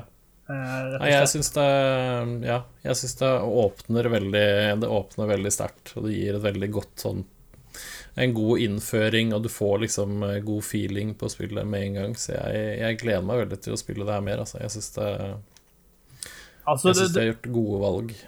Absolutt. Og de beholdt en god del av de tingene som man kjenner igjen fra Gears-serien. Eh, det er masse covers overalt, eh, som det er i alle omgivelser everywhere eh, i Gears-verden, eh, som man selvfølgelig kan bruke til det fulle. Eh, der er, du har de klassiske fiendene som kommer opp av bakken. Eh, og der du er nødt til å kaste en granat ned i hølet for å stenge hølet, sånn at det ikke kommer flere fiender. Den, den biten er der. Um, og de har også en rekke ulike eh, oppdrag du skal gjøre. Noen oppdrag er at du skal inn og redde noen eh, soldater som er tatt til fange. Eh, noen oppdrag er mer sånn type capture the point, eller du skal holde noen point osv. Eh, så og så lenge før man må trekke seg ut. Eh, og så er det en del ting som er mer historiefokusert. Og der XCOM 2 eh, på en måte er veldig åpent, og, du kan ha, og, og alle soldatene dine kan dø, og du kan lage alle soldatene sjøl. Eh, Chimera Squad har bare sånne heltesoldater eller, eller eh, navngitte eh, karakterer som alle må overleve. Eh, så er Gears Tactics en blanding av de to. Du har på en måte en håndfull eh, folk som er der er en historie knyttet opp rundt, som du er nødt til å ha med deg, eller som i hvert fall er nødt til å overleve. Og så har du en håndfull med frie soldater holdt jeg på å si, som du kan rekruttere etter hvert som du gjerne redder folk. eller sånt, Og de kan du eh, tilpasse som du vil. De kan du gi nye navn og nytt utstyr og nytt utseende. og ja, De kan se ut til å være nett, som du har lyst til. Så de, de prøver å få til en, en miks av de to. da. Eh, som jeg tenker fungerer greit. Jeg er nødt til å spille mer av spillet for å liksom få en ordentlig følelse av liksom den historiebiten. Eh, men foreløpig så har jeg med meg en, en god håndfull etter hvert med sånne eh, navngitte soldater. Da. Du får på en måte to stykk som du får med deg helt i starten av, som er med deg gjennom tutorialen. Det er en person som kind of er hovedpersonen i spillet, eh, og så er det en sånn rugged, gammel veteran som, som er med deg. Og så plukker du etter hvert opp flere, og det var også en sånn Jeg vet ikke om du fikk det. Jeg fikk en sånn Fordi du forhåndsbestilte spillet, så får du denne figuren eh, gratis eh, type ting. Fikk, fikk du det? Ja, Ja, nettopp. det er det Så- neste oppdraget mitt. Det var sånn chapter 1, kapittel 4, får du denne fyren. Ja, det, Ja. og det er jo en gammel kjenning fra serien som, som dukker Yes. opp. Det er han Cole. Uh, Cole Train som, uh, som som, Train, baby. Ja. Eh, så, så etter hvert så er det en god håndfull med sånne navngitte karakterer som er med. da. Eh, det er noen ting som jeg syns er litt rart med Gears Tactics også, eh, som jeg kan trekke frem. Eh, de har lootboxer i spillet, eh, selv om Altså og, og, det, og det er litt rart, fordi det er så veldig tydelig at her er det lootbox. Men det hadde ikke trengt å være en lootbox i det hele tatt. Altså, XCOM gjør i praksis akkurat det samme. Du plukker opp random ting, utstyr, på slagmarken. Men i Gears Tactics så har de bare bestemt seg for at nei, du plukker ikke opp random ting, du plukker opp en lootbox som du etter oppdraget kan få lov til å åpne og se hva som er oppi, og det var en random ting du fant på slagmarken. Eh, og det føles veldig rart, fordi det føles som om her skal du få lov til å kjøpe lootboxer, uten at jeg har sett noe sted du kan gjøre det. Eh, jeg liker på en måte mekanikken de har i at disse tingene ligger spredt ut på kartet, og du er nødt til å prioritere eh, liksom, Skal jeg løpe og ta den eh, tingen i håp om at det er noe godt utstyr oppi der jeg trenger, eller må jeg bruke de actionene på å forsvare meg sjøl, eller på å prøve å redde han fyren, eller whatever. Det kan bli en artig dynamikk, men det bare det oser liksom det, det, det, de negative konnotasjonene man har med lootboxer, da, ut av det. Og det virker så unødvendig. Ja. Ja, det, det hadde Det hadde vært bedre om du fikk en sånn etter at oppdraget er ferdig, så var det 'gratulerer, du fant eh, et nytt våpen', istedenfor at du liksom Når du er ferdig og kommer til menyen igjen, så må du gå inn og trykke 'her må du åpne denne lootboxen', så er det, det er en helt sånn det, er, det kjennes ut som om du åpner en kiste i Overwatch. Da. Det er liksom akkurat den samme greia. Og det er, Ja. det er veldig rart at det ikke bare Gratulerer, du fikk en ny, et nytt sikte. Altså, det Ja. hadde vært bedre å bare fjerne hele den der boksgreia. Jeg er enig. Jeg synes det er veldig rart. Jeg vet ikke om det er noen som har tenkt at det, akkurat den mekanikken er liksom en sånn Og det er noe folk syns er kjempekult. Eh, Det å få en sånn overraskelseskiste når den åpner seg, så blir det sånn wow, hva er det som å åpne disse eh, Fifa-pakkene med spillere og sånne ting. Men, men det er ikke sånn. Også fordi at det utstyret du får, i mange tilfeller det, det gjør såpass liten forskjell, opplever jeg i hvert fall i spillet. at eh, eh. Men eh, ja, akkurat den tingen syns jeg er ganske rart. Og så er det også noen av oppdragene som er litt sånn De bryter litt med, med, med innlevelsen. Eh, man har oppdrag som eh, ja, Det er annet en oppdragstype hvor man skal inn, og så kan man eh, Er det et slagmark, og så er det to punkt på spillet, to sirkler, eh, som man skal da holde, eh, og som man skal holde fri for eh, fiende. Og så er det da sånn at du er nødt til å klare å holde de to sirklene fri for fiender i to runder på rappen, f.eks. Det er liksom eh, det du må gjøre for å vinne dette oppdraget. Eh, og spillet gir deg ingen forklaring på hvorfor det er viktig å holde disse to sirklene. Det, det, liksom, det er bare sånn rent game-mekanisk. Nå skal du inn og holde disse. Dette er liksom puzzlen du du skal løse her. Uten å gi deg noen grunn til hvorfor du skal gjøre det. Og når du har klart dette, selv om fiendene er liksom ordentlig omringer deg, så er bare oppdraget over, og du har vunnet. Det er ikke sånn at du er nødt til å liksom klare å komme deg helskinna ut av det oppdraget igjen. Um, så den biten føles litt sånn rar, og litt sånn ikke så gjennomtenkt. Det, det, det er litt sånn jeg sitter og tenker på, er, er, dette ting som de på en måte bare har slengt på som fullstoff for at A, spillet skal vare lenger, og eller B, Um, det skal stykke litt sånn opp, sånn at, ikke, sånn at, sånn at det føles som at det er større variasjon i, i oppdragene. Da, fordi at noen av historieoppdragene kanskje kan bli litt repetitive. Jeg vet ikke. Uh, men det er noen sånne valg som er gjort som føles rare, og som XCOM ikke gjør. da.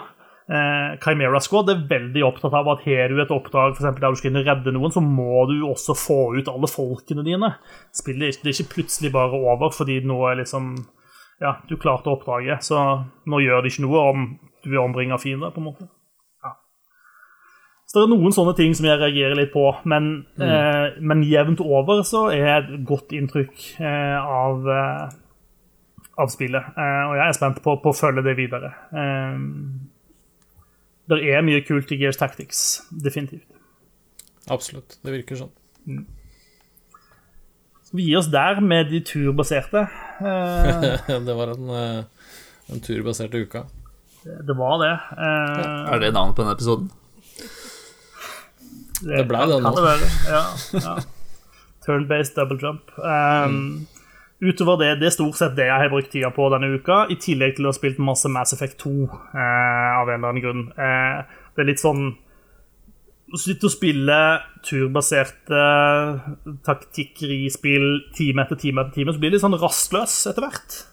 Uh, og Da kjente jeg det var godt med, med et uh, litt mer sånn actionfullt spill. Og da var Mass Effect 2 oh, noe jeg hadde lyst til. heisen og høre på de samtalene i Mass Effect 2? Nei, det er i Mass Effect 1 man gjør er det. det. Ja. Shit, nå må jeg spille de spillene. Ja. Det tror jeg vi har snakka om før. Yes. Ja, det har vi sikkert. Men der ser, du, der ser du hvor godt jeg husker, da. Men det er jo Ja, god nok grunn til å spille det en gang til, det, syns jeg. Ja. Finne ut av om det er eneren eller toeren eller treeren de står og snakker i heisen. Ja, der er, i, Mass Effect 2 så er det fortsatt heiskjøring, men da får, går, går det bare rett til loading screen istedenfor å stå og vente mens du kan høre preik. Dessverre. Ja. Teit. Ja. Nei, jeg har ikke vært innom noe mer enn det. Håvard, jeg har ikke spilt noe nytt. Eh, det har gått mye i Overwatch eh, denne uka av en grunn, fordi uh, Sjuende utgave av Scrub Cup skal eh, gå av stabelen nå den neste drøye måneden. Eh, Scrub Cup er en Overwatch-turnering for de som bare er helt eh, passe gode. Eh, I don't want no scrub, var det noen som sang på et eller annet tidspunkt. eh.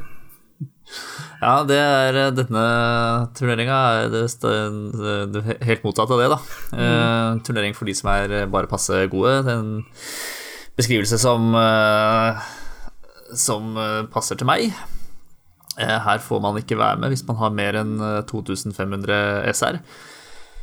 Eh, så man eh, skriver seg opp som enten, enten tank, eh, DPS eller support, eller alle tre hvis man vil, eller bare to av de. Eh, jeg har signert som tank og support, og så må man må man ha spilt 25 eh, competitive matcher i hver av de forskjellige rollene for å for å kunne eh, si, godkjennes da, eller kvalifiseres. Eh, Så det har jeg eh, drevet med denne uka her. Så nå er jeg klar. Nå håper jeg jo bare at jeg ikke må være forlover i et bryllup på den ene finaledagen likevel.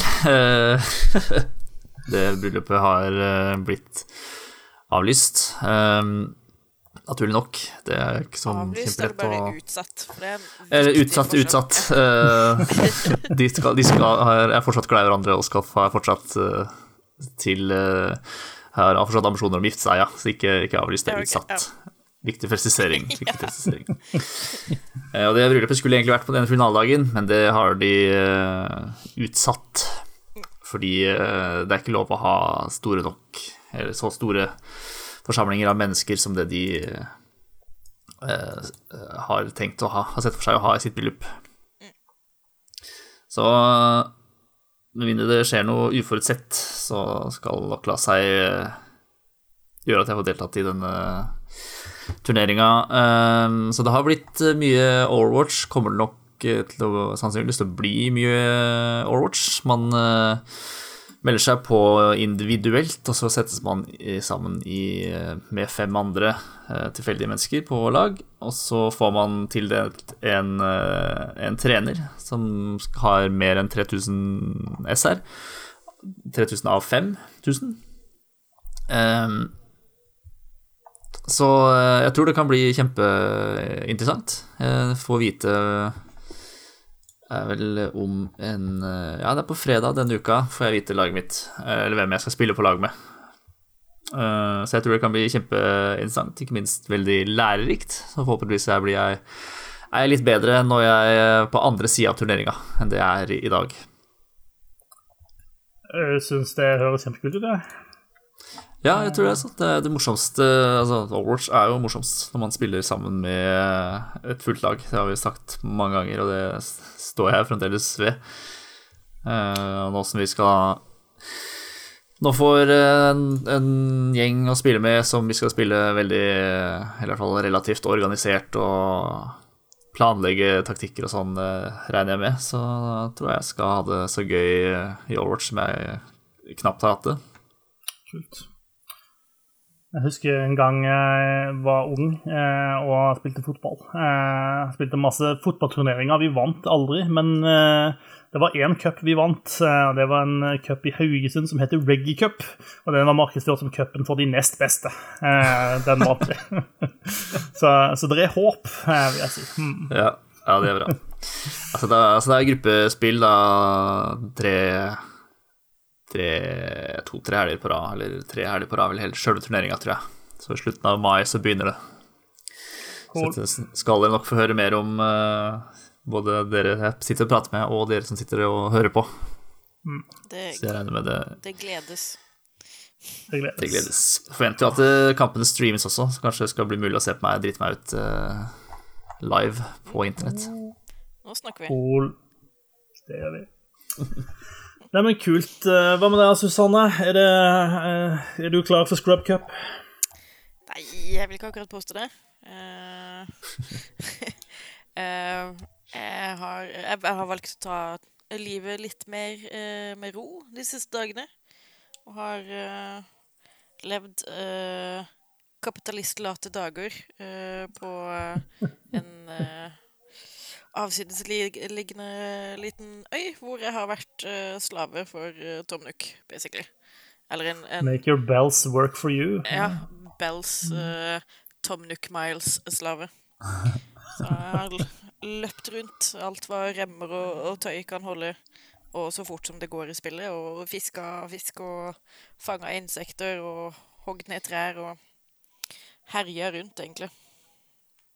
Det er en bedagelig tilværelse. Eh, Du er jo vant med å liksom eh, eh, click heads i Destiny. Eh, dette er jo noe ganske annet.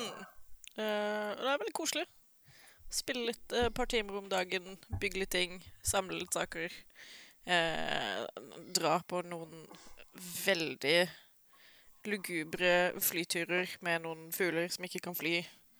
Eh, hvor du bare kan besøke en øy én gang, fordi etter du har vært der, så brenner de bare eh, kartet ditt. Eh, eh, noe som virker litt sånn Det virker litt tvilsomt, spør du meg. Eh, men man finner i hvert fall spennende ting på disse øynene, da. Så, så det er jo ikke bare skummelt. Og du finner også andre øyboere på disse øyene som du kan invitere til din egen øy. For det er jo ikke noe creepy med det. Eh, jeg liker å ha masse fremmede som jeg har møtt på en øde En annen mystisk øde øy, boende på min egen øy. Det, det har lenge vært drømmen, for å si det sånn. Ja, helt vanlig, det. Altså, det, det har jeg gjort. Og for å få et lite avbrekk fra all denne avslappinga, så har jeg spilt masse, masse Call of Duty. Er du god, eller? Eh, ja Bare, bare si ja, du. Det er greit. det, altså, det kommer veldig an på, på hvilken mode vi spiller. Ja. Hvilken mode er du best i, da? Eh, jeg gjør det ganske greit i, i Team Deathmatch og type Kill Confirmed og Infected, men alt annet er bare Nei takk. Helt, helst ikke. Ja. Jeg, jeg vet ikke hva de, de ordene du sa, betyr. Eh, Nei, jeg team, team Deathmatch kan jeg gjette meg til, men de andre har ingen anelse om hva jeg gjetter meg. Hvor mange moduser er det? Å, det er en hel del. Eh, det, en, altså, det kommer litt an på hvor stor squad du spiller med. Det er ikke alle modusene som kan spilles hvis du har en, en full squad på seks stykker, liksom. Eh, Nei, jeg skjønner. men det er jo mye liksom moshpits og eh, capture the flag og eh, headquarters. Og noen er jo bare straight up mayhem. Hvor det blir skutt så mye kuler og sluppet så mye granater og missiler at det er liksom du, du spawner, og så holder du deg kanskje i live i to sekunder, og så blir du drept, og så spawner du igjen. Sånn går nå dagene.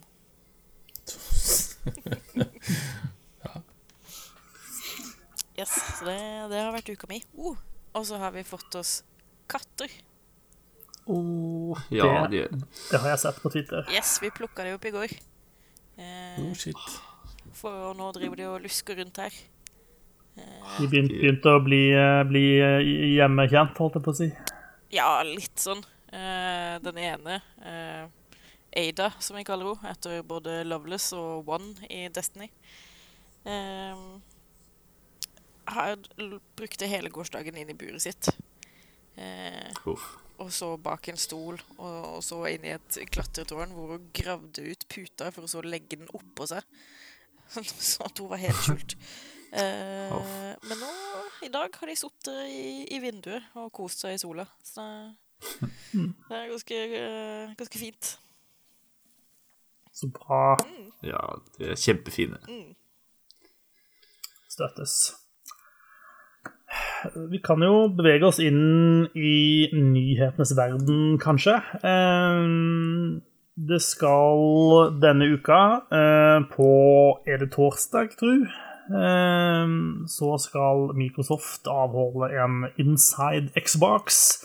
Eh, Hvor de bl.a. skal vise frem sin Xbox Series X, og vi skal få se spill og spilling på den konsollen.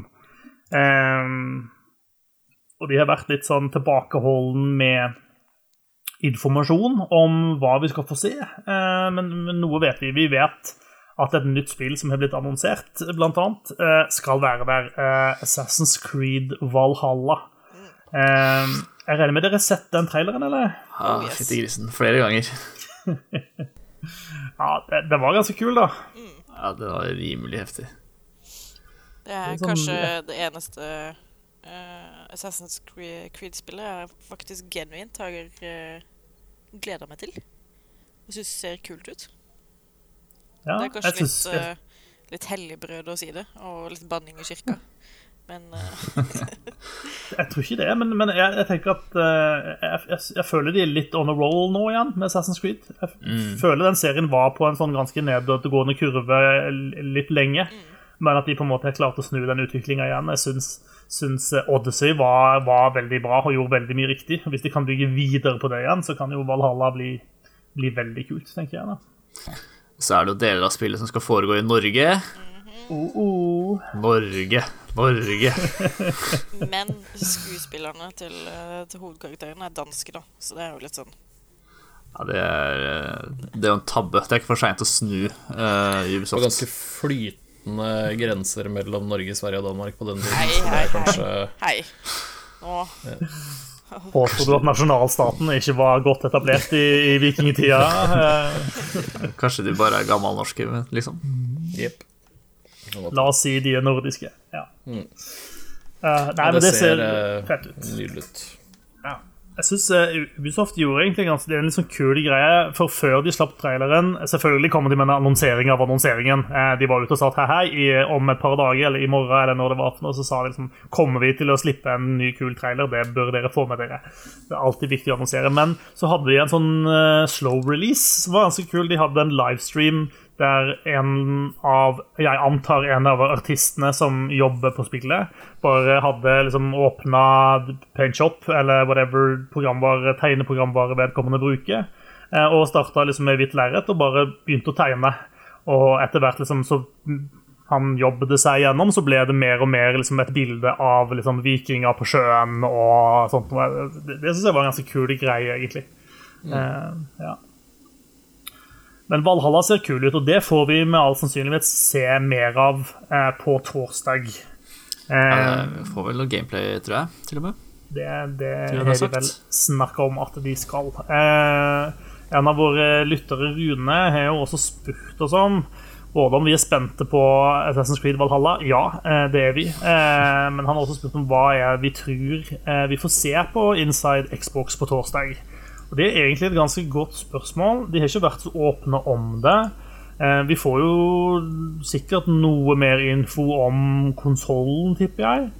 Eh, Men så har de vært ute og sagt at eh, denne sant? Altså, De skal vise gameplay fra Xbox Series X, men at de egentlig holder tilbake mye av på en måte sitt first party-greie. Det kommer senere i sommer en gang, men at her ønsker de at liksom, tredjepart skal liksom, skinne på deres plattform. Da, at det er det de ønsker seg.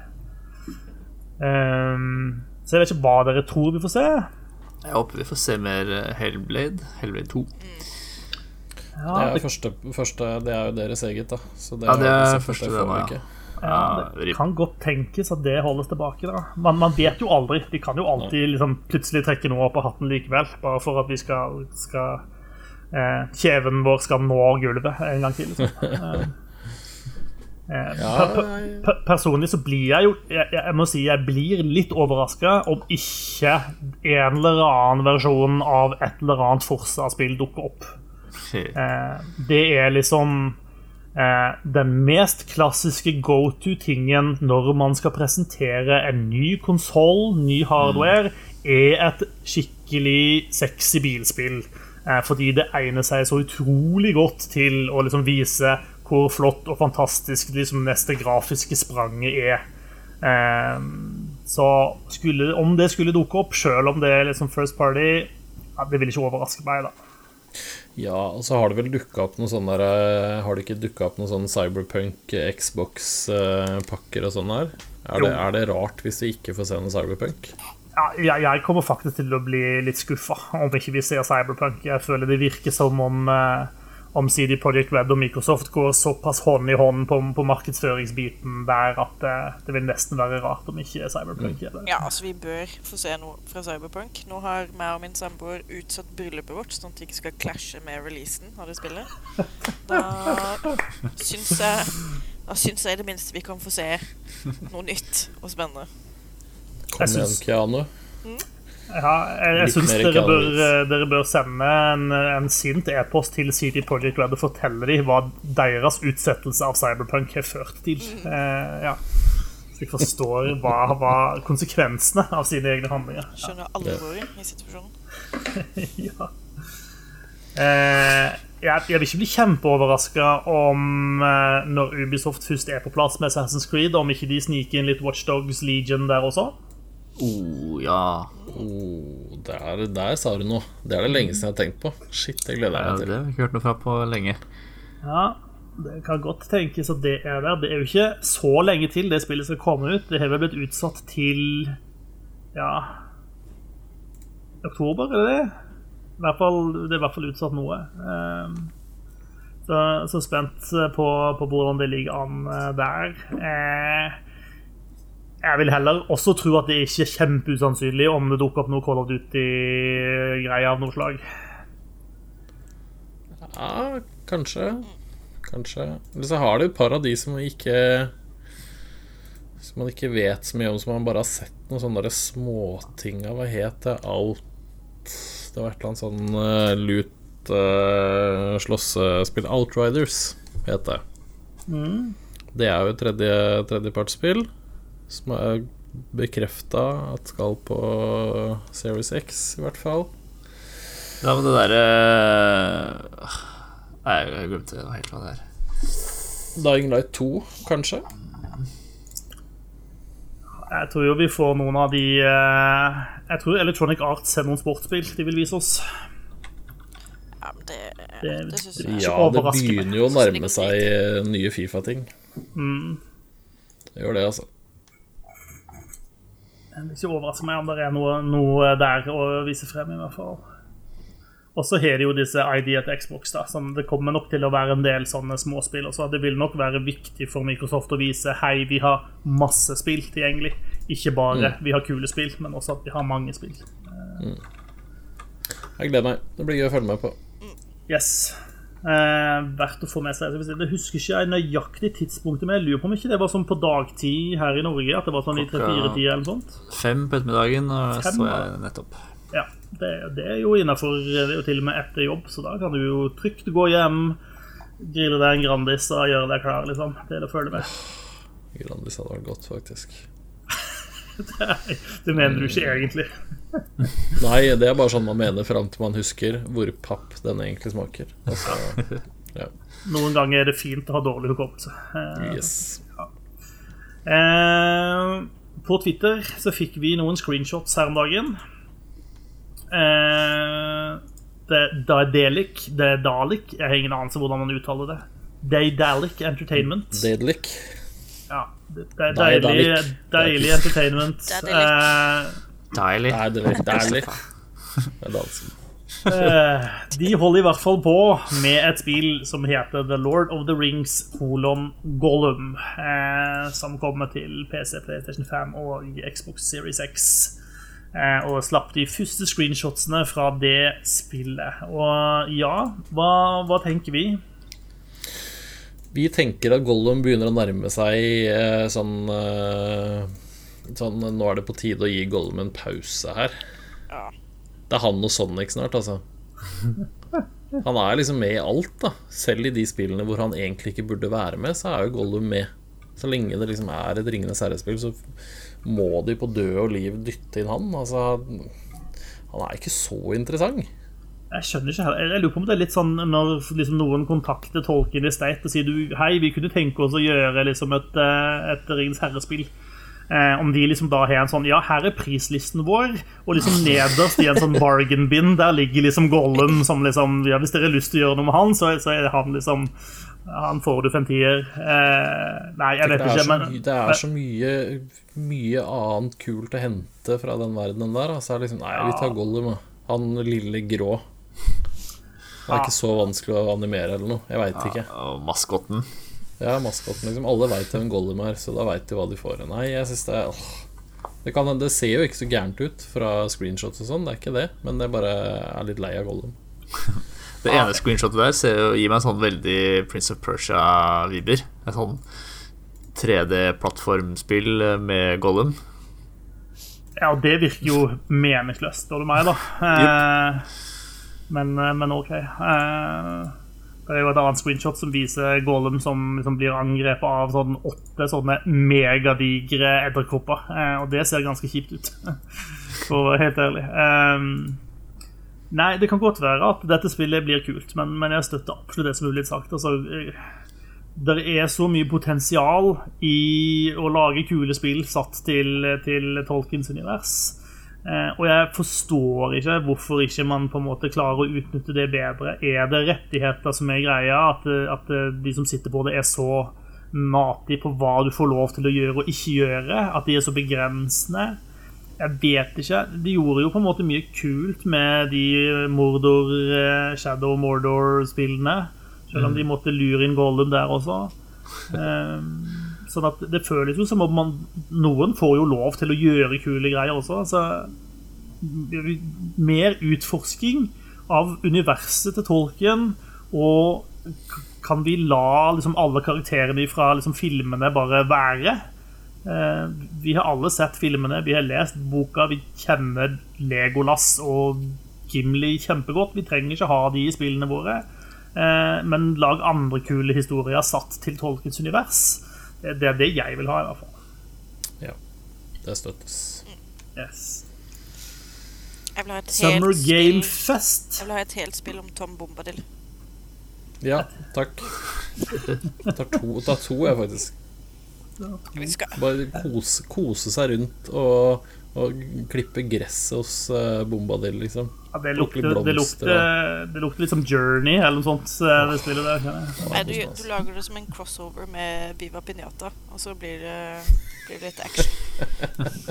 Nå må du legge fra deg disse syke Viva Pinata-fantasiene dine. Susanne. Nei! Aldri! Ta de med meg i grava. Jeg tror det er eneste stedet de drar, kanskje, men det er greit. Det.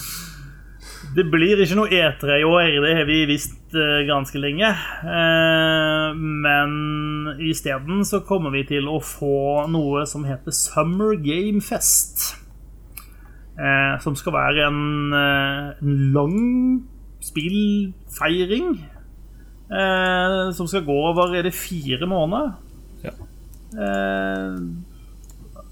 Ja, hva, hva er egentlig Summer Game Fest? Jeg har ikke liksom fått helt tak på det, annet enn at Jeff Keeley sier at dette blir noe, noe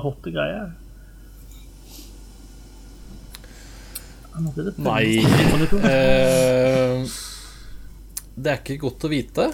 Det er Jeff Keeley da, som tenker at å shit, nå kan jeg stå i sentrum av hele spillverdenen enda en gang. Komme med de kuleste tingene. Eh, og så er det spikeren i kista for E3. Og ingen kan fysisk stoppe meg. Nei. Ja. De har jo fått, fått på en måte med seg veldig mange av liksom, de store utgiverne da, som på en måte har sagt at de, de ønsker å være med på dette. Eh, så jeg får inntrykk av at det skal være både en slags plattform for å komme med store annonseringer, kanskje, som, som man jo da nå ikke får gjort pga. at E3 er borte. Eh, samtidig som det skal være en sånn form for digital festival hvor mange spill skal ha liksom egne events på bakgrunn av liksom Summer Game Fest og, og sånne ting. Um, det, det er jo noe litt sånn nytt og eget, men jeg tenker det er jo noe kan bli kult, da. Uh, Ja, det kan bli kult, og det er litt sånn derre Ja. Altså, i, i disse tider så er det sånn stay home together-greie, så hvorfor ikke bare lage masse kult med alle folk, og inne i spill og utenfor spill, og Jeg er all for ja, altså masse kule nye ting eh, hver eneste måned fra, fra mai til august i første omgang. Det er jo bare fase én også, sier de. Så Ja, De har jo liksom vist fram lineupen til fase 1, som er eh, alle de store. Her er det svære navn. ass Bethesda, 2K, Blizzard, Activision, PlayStation, Xbox, Warner Bros er inni der. Riot Games er inni der. La du merke til at den hoppa over Bunchy nå, Susanne? Nei, Jeg tenkte jeg skulle, sånn tenkte jeg skulle la, det, la det gå. Men, eh, Ja, jeg greide ikke det. Nei, det er liksom alle de store er med, så det Ja. Vet du hva? Feiring av eh, spill, nytt eller gammelt, da det er jeg med på. Men, eh, men Gøran, du sa tidligere spikeren i kista for E3. Mener du i år, eller mener du for alltid? Jeg mener for alltid. Du tror det? Ja. Vi får ikke se E3 igjen noen gang? Nei. Det, det, det kjenner det sitter tungt i hjerterota for eh, oss gamliser som eh, har hatt det som liksom et av årets høydepunkt i lang tid. Ja, det sitter litt tungt i hjerterota for meg som har fortsatt hatt et lite håp om å få besøke etter det. At eh, det er spikeren i kista. Men jeg tror det, altså. Jeg tror ikke det jeg tror ikke den kommer noe mer. Den som lever, får se. Ja. Um, vi, det var vel alle nyhetene vi sånn hadde tenkt å pløye gjennom. Så har vi den eh, spalten vår hvor vi nevner hvilke spill som følger med hvilke abonnementstjenester du betaler for.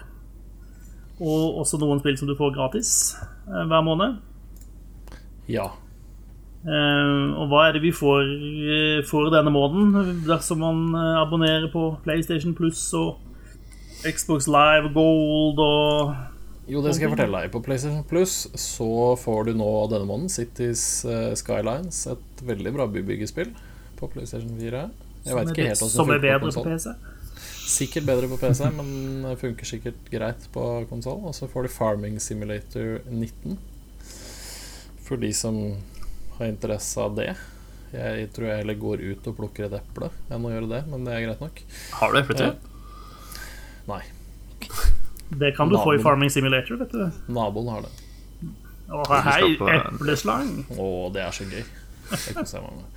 Eh, på Xbox Live Gold så får du V-rally 4 på Xbox eh, One. Det gjelder hele måneden. Eh, og så får du Warhammer 40K Inquisitor.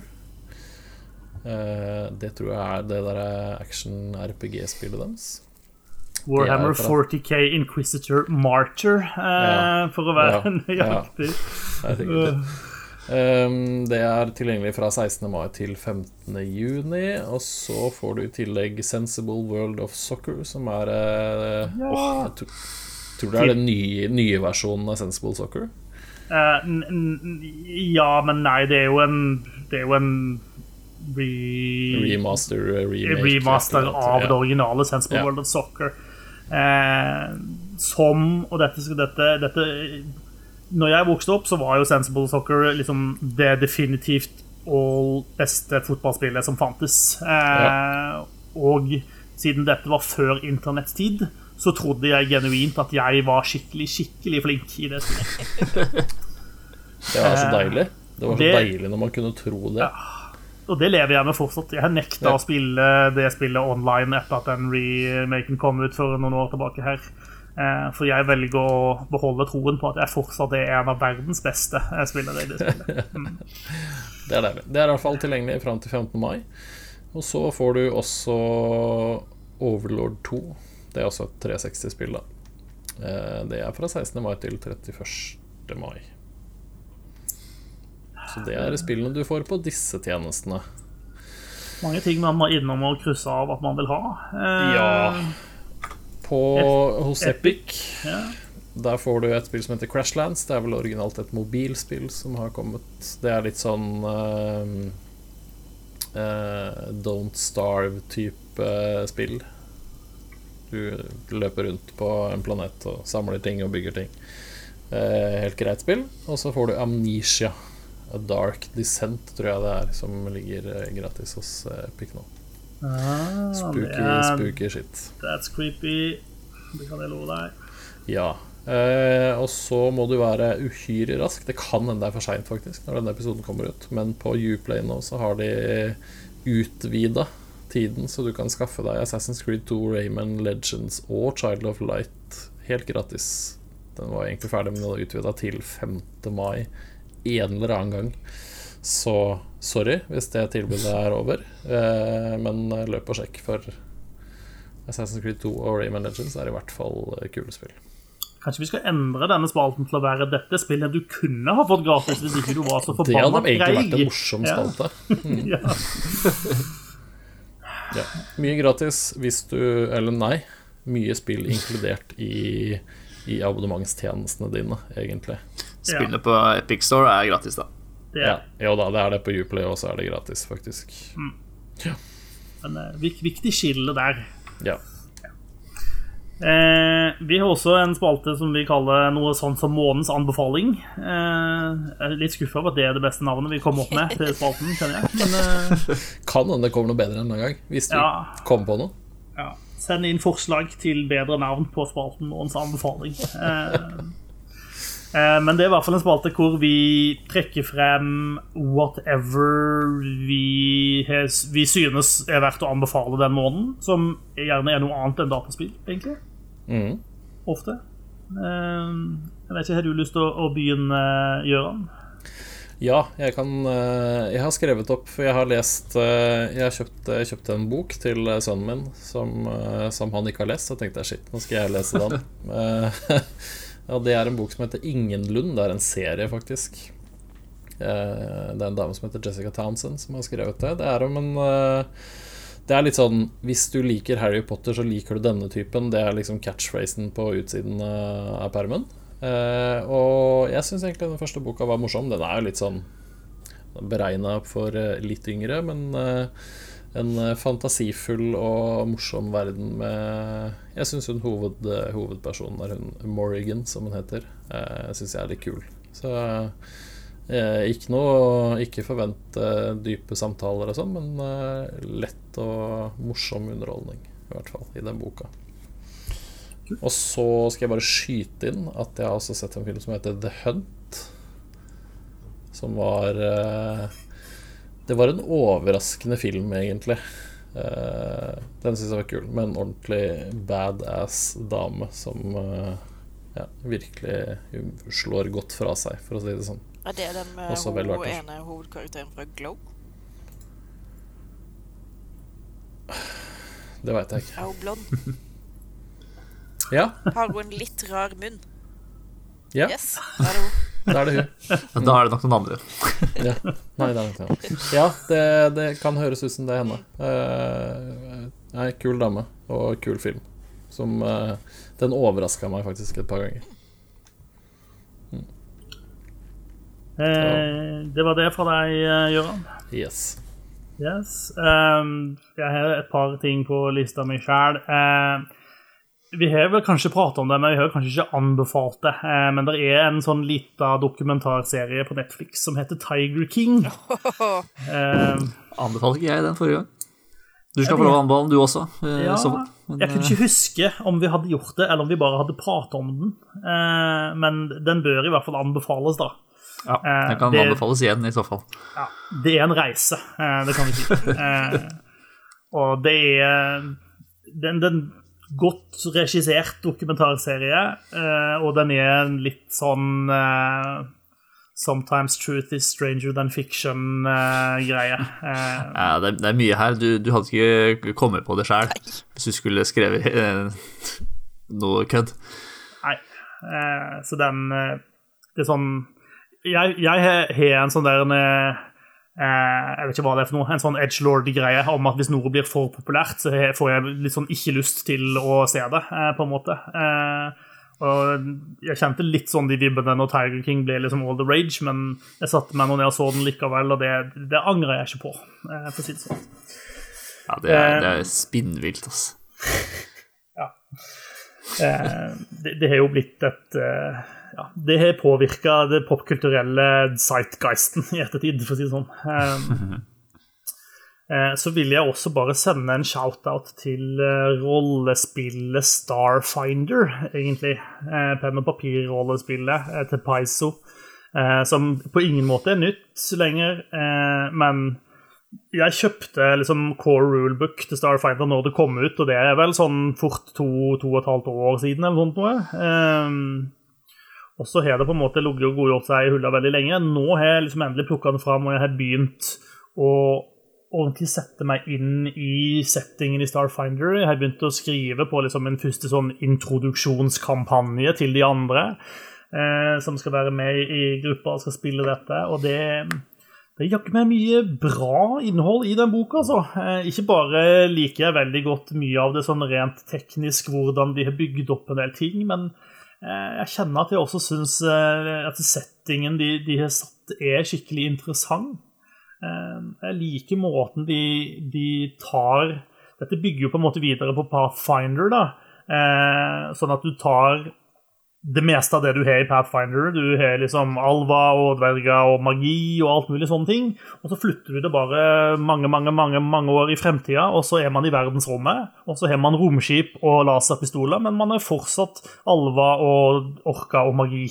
Eh, og det, det er en ganske det, Men de, de, binder det godt sammen, på en måte. Eh, så jeg liker det veldig godt. Og de, så har de liksom trukket inn litt sånn Og så plutselig så er det Der var det litt grann uh, Lovecraft-ting, ja. En av liksom guddommene som plutselig finnes i fantoene er en viss herr Nyarlatotep, uh, som liksom ligger og crawler rundt ute i verdensrommet og uh, Nei, ja, jeg vil bare vise min appreciation for på en måte den settingen de har lagd. Jeg, jeg, er kjempespent nå på liksom å, å få utforske det ordentlig. Um, og for meg så virker det som om dette er en setting som uh, veldig godt lar deg bygge en uh, Firefly-esk rollespillkampanje, da. Uh, og hva annet enn det kan vi vel egentlig ønske oss. Ikke så mye. Nei, ikke så mye. Håvard? jeg kan anbefale uh, gamingstolen uh, Arozzi Verona. som, uh, som, jeg var, kjøpte meg på tilbud hos uh, Elkjøp forrige uke. denne podkasten ikke sponset av Elkjøp. hvis noen i Elkjøp-konsernet hører på, så ta gjerne kontakt. nei da, men det er en sånn typisk gamingstol med sånn Racer bilsetetype og litt puter i både nakke og rygg. Viktig med en rask stol når du skal spille. Veldig. Eh, Så du må jo rulle, den, eh, rulle, til og fra kjøkkenet for å hente mer snacks og Mountain Dew? Ja. Denne stolen har mye større hjul enn den jeg hadde på min gamle kontorstol, så den ruller mye fortere. Og over dørkarmen og sånn. Så det går fint. Kommer den seg opp trappa, tror du? For det trenger jeg nemlig. ja, nei, jeg vært så lur at jeg bor på ett plan. Ja. men den eh, virker veldig bra så langt. Uh, har jo bare sittet inn en ukes tid, da. Jeg merka litt sånn til å begynne med at jeg ble litt stiv i skuldrene. Selv om jeg føler at denne stolen liksom tvinger meg til å sitte bedre, fordi den, jeg har en sånn liten pute i korsryggen og massevis av eh, hakk eh, eh, for å justere ryggen opp og ned og sånn, så merka jeg at jeg ble litt sånn stiv i skuldrene. Og jeg lurer på om det kanskje det bare er fordi eh, god holdning, musklene mine, er ikke like godt trente som eh, slappe av-musklene mine. Slacker-musklene. ja. Så kanskje det bare er noe som kommer Som vil gå seg til da, snart. La oss håpe det. Men, eh, men den er fin. Vi er spent på den videre utviklingen av gamingstolmuskelbyggingen din, din. Ja, takk. Rozzi Verona heter den altså. Eh, ryggen kan legges 180 grader ned, så eh, masse plass til skittentøy når du skal eh, ligge i senga i stedet. Egentlig kan jeg jo bare sove i stolen og la skittentøyet ligge i senga permanent. Vertikal gaming action. Altså, du, du, kan jo egentlig bare sette en monitor og feste den i taket, da. Så kan du liksom like å game sånn. Santes. Mm. Ja, den er veldig fin sånn uh, Jeg skal sjekke litt ting i Animal Crossing og sånn. Så bare vippe ryggen bakover, og så legge seg til rette. Nice. Det er nice. Hva med deg da, Susanne? Er det tid til å sjekke noen ting annet enn å me mellom kattepassingen, holdt jeg på å si? Uh ja Jeg tenkte jeg skulle anbefale eh, Sonic the Hedgehog-filmen. Som, som, vi så her om dagen. Nå må vi bare avslutte, tror jeg. Fort. Så vi eh, leide for hele 30 kroner på Viaplay eller noe sånt. Eh, og den var overraskende morsom.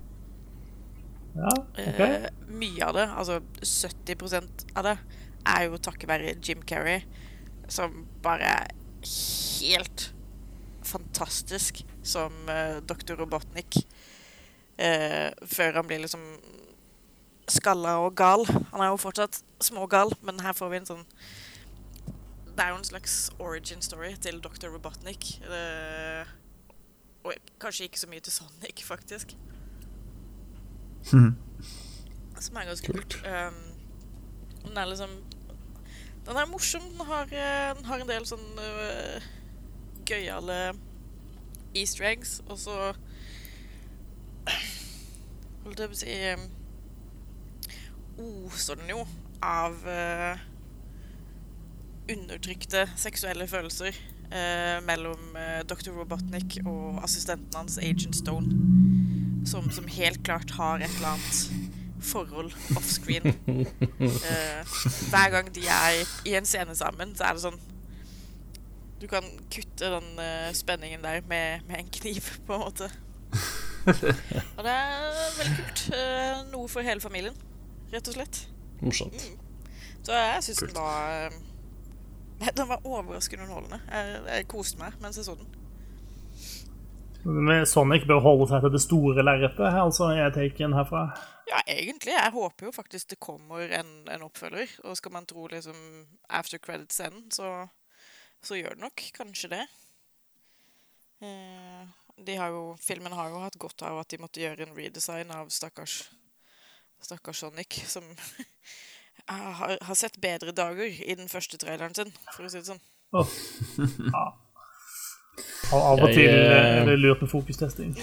Jeg, det var en kveld her jeg ikke fikk eh, sovne, eh, og da rota jeg meg selvfølgelig, sånn som man gjør, eh, dypt ned i Reddits eh, mørke, mørke avgrunn. Eh, og da fant jeg en tråd, og det var sånn Hvilke konspirasjonsteorier tror du på? Og da, midt, eh, midt mellom sånn eh, eh, Vi har aldri vært på månen. eh, Donald Trump eh, fikk hjelp av Russland. Så var det at eh, det hele den Sonic-greiene, det var konstruert at de egentlig hadde den nye versjonen av Sonic klar, men at de gjorde det for å liksom markedsføre filmen sin. Det var, det var liksom den, den var helt på topp og ble nevnt nesten flest ganger. Sjukt. Uvisst hvorfor. Folk er gærne, tenker jeg da. Ja, det er, ja. Akkurat nå er det en sånn fabulous konspirasjonsteori om at hele covid-19 er bare oppspinn for å dekke over at de i Central Park driver og redder ut eh, masse sånn mole children. Eh, som er som er født i fangenskap eh, under bakken i Central Park, eh, hvor alle de liksom, kjente liberale politikerne, eh, som jo alle er pedofile, eh, helt som fostrer de opp der da, til å være sexslaver. Eh, men Donald Trump redder de nå opp, men han vil ikke fortelle noen om det, og gjør det, dette derfor i, eh, i hemmelighet. Mm. Nei da, altså det Ja. Så der vet dere det. Internett er fint, altså. Jaggu meg, folk. Internett 2.0 var en tabbe. Ja. Og gå tilbake til MySpace, alle sammen. Det var hyggeligere tider. Ja, nei. Eh, Nei, det var det ikke, faktisk. nei, det var ikke det. det, var ikke det. Eh, denne sendinga går mot slutten. Det tror jeg vi kan være enige om. Eh, det var veldig hyggelig at du ville være med oss. Eh, send oss gjerne inn eh, tilbakemelding, spørsmål, ting du vil vi skal eh, preke om, eller ting du ønsker at, eh, å utfordre oss på. Eh, Så er vel vi fort tilbake igjen om en uke. Da får vi sikkert eh, prate litt mer om hva Microsoft hadde å vise frem, eh, blant annet. Eh, Mitt navn er Marius, og fra meg og Håvard og Susanne og Gøran, takk for at du var med, og hei så lenge. Snakkes. Ha det. Ha det.